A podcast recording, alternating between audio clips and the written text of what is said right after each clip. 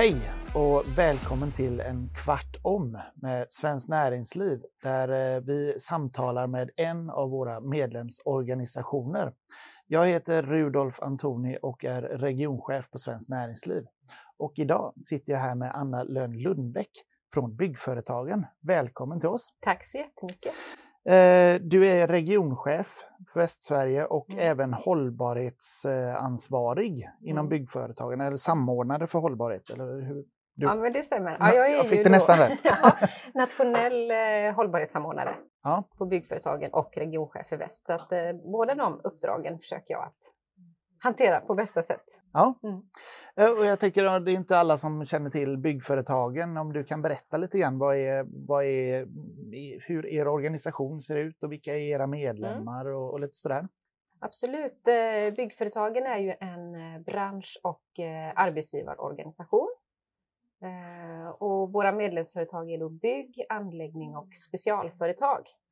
Och kanske lite enklare uttryck kan man säga att vi är med och bygger viktiga samhällsstenar såsom våra bostäder, skolor, eh, lokaler för kontor och så vidare. Och så vägarna däremellan. Det är vårt huvuduppdrag kan man säga. Ja. Och uh, ungefär hur många medlem, medlemsföretag har ni?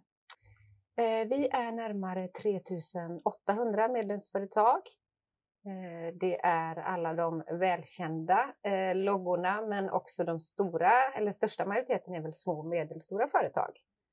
Eh, och vi sysselsätter ungefär en tredjedel av alla som jobbar i byggbranschen. Mm. Och så kanske man kan säga att vi finns i hela landet också såklart.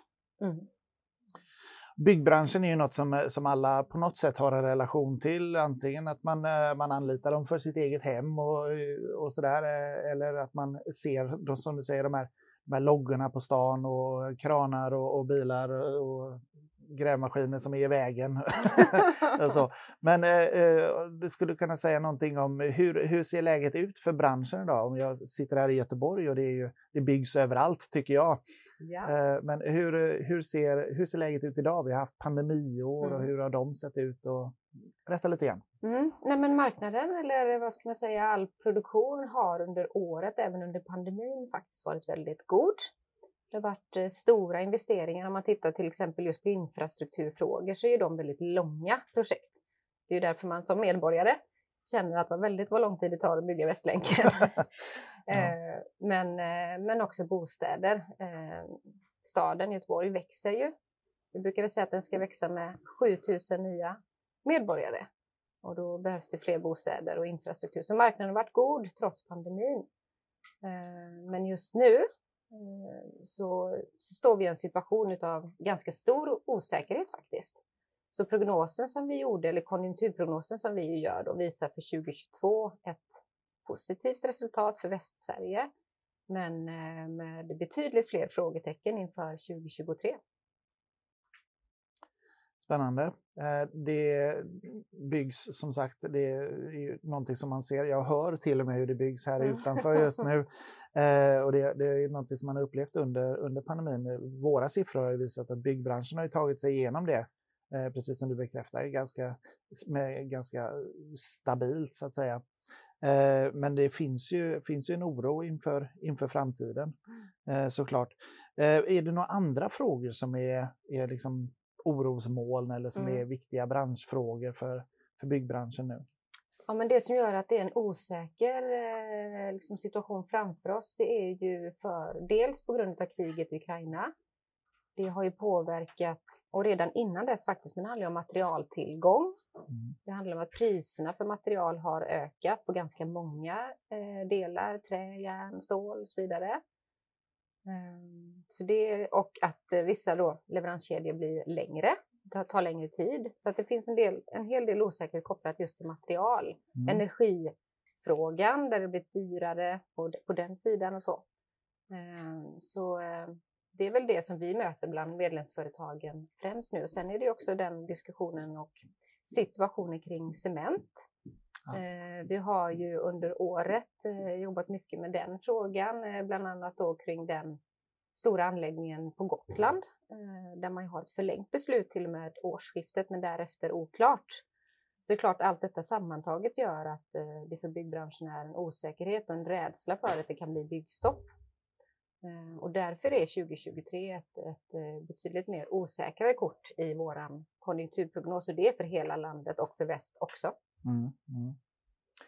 Hur, hur ser det ut med kompetensförsörjningen? Är det, är det, utbildas det tillräckligt, tillräckligt många till, till byggbranschen och, och, hur ser det ut med utländsk kompetens och, och, så?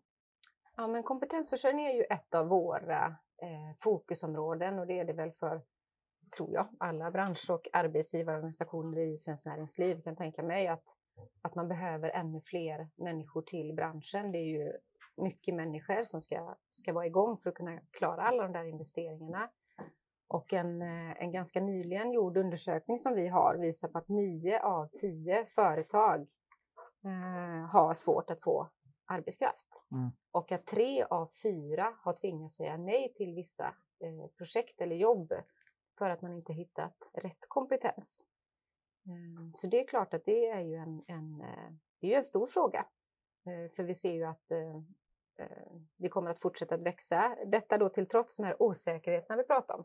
Så det är fortsatt så att man har ju som ambition som stad och i Västsverige att fortsätta växa. Mm. Och då behöver vi kunna bemanna upp.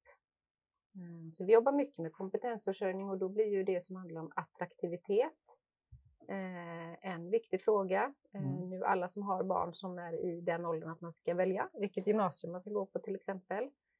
Eh, att, eh, att det ska vara attraktivt att söka sig till byggbranschen. Mm.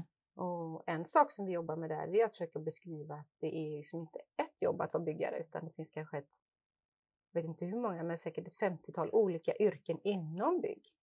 Att kunna visa upp hela den breda paletten och också att det finns väldigt goda möjligheter faktiskt att få jobb eh, efteråt, inne mm. i branschen.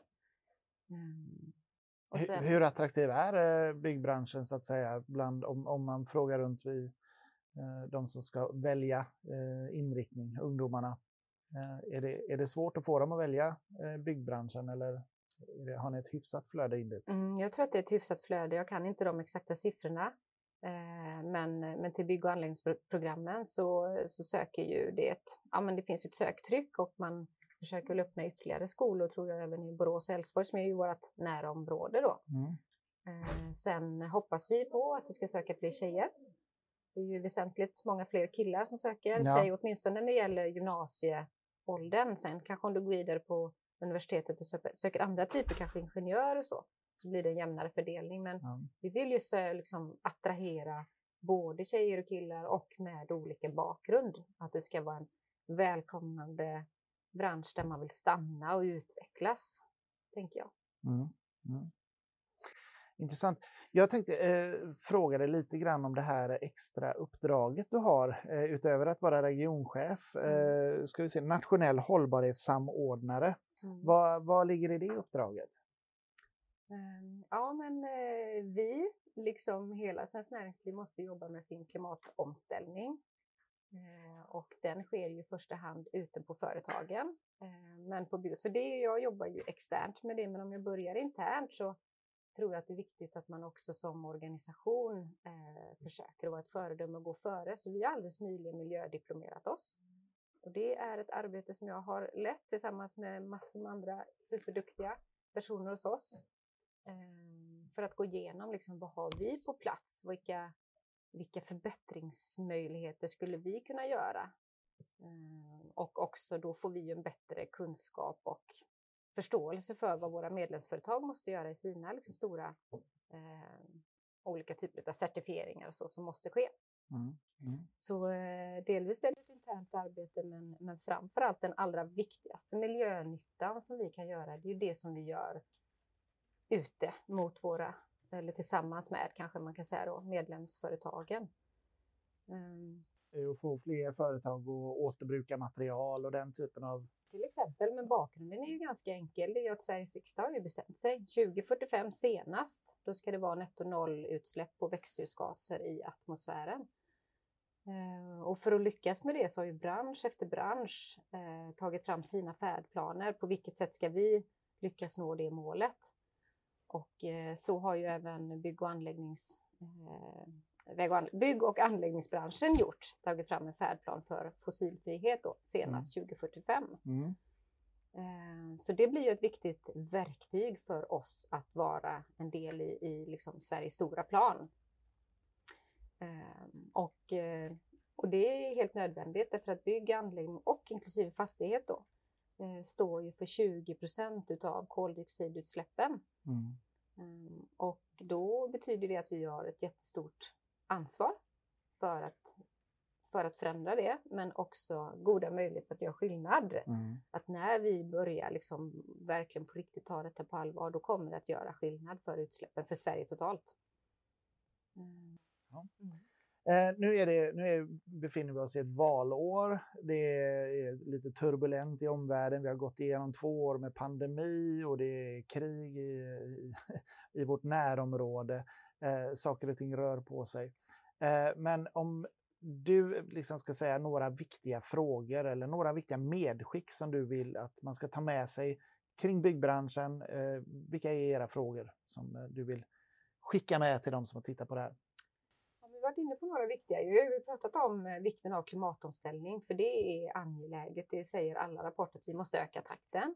Så det är ju en, en, en väldigt viktig hälsning för oss alla branschorganisationer liksom företag. Eh, men det kräver ju också politiska beslut, alltså stat och eh, regering, kommun och så, att man faktiskt upphandlar med det för avsikt. Mm. Vi har pratat om kompetensförsörjning, att byggbranschen om, eller drar in eh, tillsammans 40 miljarder till, eh, i skatteintäkter. Alltså det är ju en väsentlig summa mm. eh, för att skapa välfärd i form av bostäder och infrastruktur. Och då vill vi ju ha fler som, som kommer och jobbar i branschen. Det vi inte har eh, hunnit prata så mycket om än, det är också det område som handlar om sund konkurrens. Mm. Att vi har eh, eh, Eh, ja, men värnar om en bransch som, eh, som håller sig långt borta från kriminalitet och som följer lagar och regler. Eh, det är ju ett arbete som vi också hållit på med väldigt länge. Och det ska löna sig att göra rätt. Det ska finnas incitament för att jobba med klimatfrågor, för schyssta villkor och för säkerhet. Så det tänker jag måste också bli ett givet medskick. Mm. Det får bli slutorden. Anna Lönn Lundbäck, tack för att du var med i en kvart om med Svenskt Näringsliv.